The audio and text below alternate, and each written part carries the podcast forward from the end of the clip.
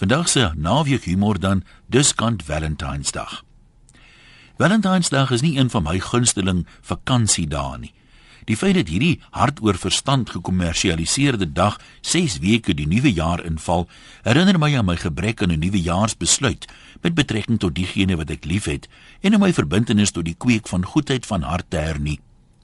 Hierdie besluit behels gewoonlik die opening van 'n mens se hart en verstand, leer om te luister, oefen om te vergewe en om selfs diegene wat nie veel van 'n mens hou nie en andersom lief te hê en dit te aanvaar met seën van buite hierdie wêreld eerder as om teen dit te veg of daarvan te probeer ontsnap.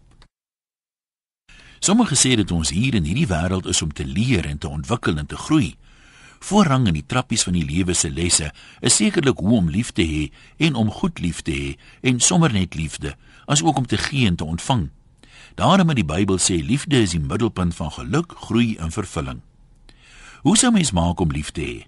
Deur elke ander wese soos homself te sien en dus daartoe in staat te wees om mense te hanteer in liefde en op die manier waarop hy behandel wil word? Oneindig welwillende, onselfsugtige liefde. Dit wakker ons harte op en gee gees van verligting. Passie word deernis wanneer dit my op die pad bring van die besef dat elke oomblik in die lewe 'n moontlikheid van sielsontwaking inhou.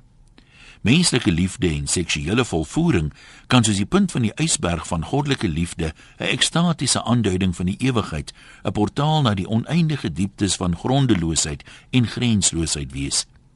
Wat ons na buite onsself vervoer of wensdroom ek. Mense sê en skryf dikwels hoe hulle 'n sielsgenoot gevind het en selfs wat die resep daarvoor is.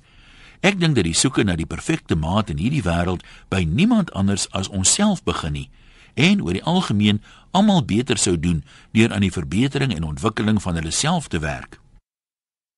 Maak van jouself die perfekte maat sonder om perfek te gebruik en jy sal 'n goeie maat wees.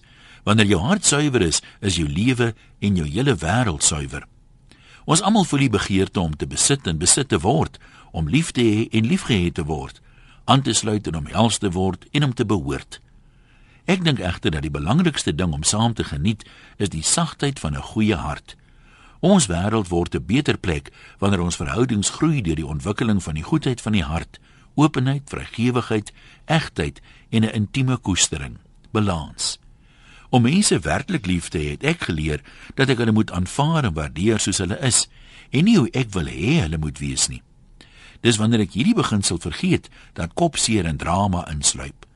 Dis ewe waar van die liefde en die aanvaarding van myself. So skryf Henny Fritz. 'n Gelukkige Valentynsdag van hart tot hart.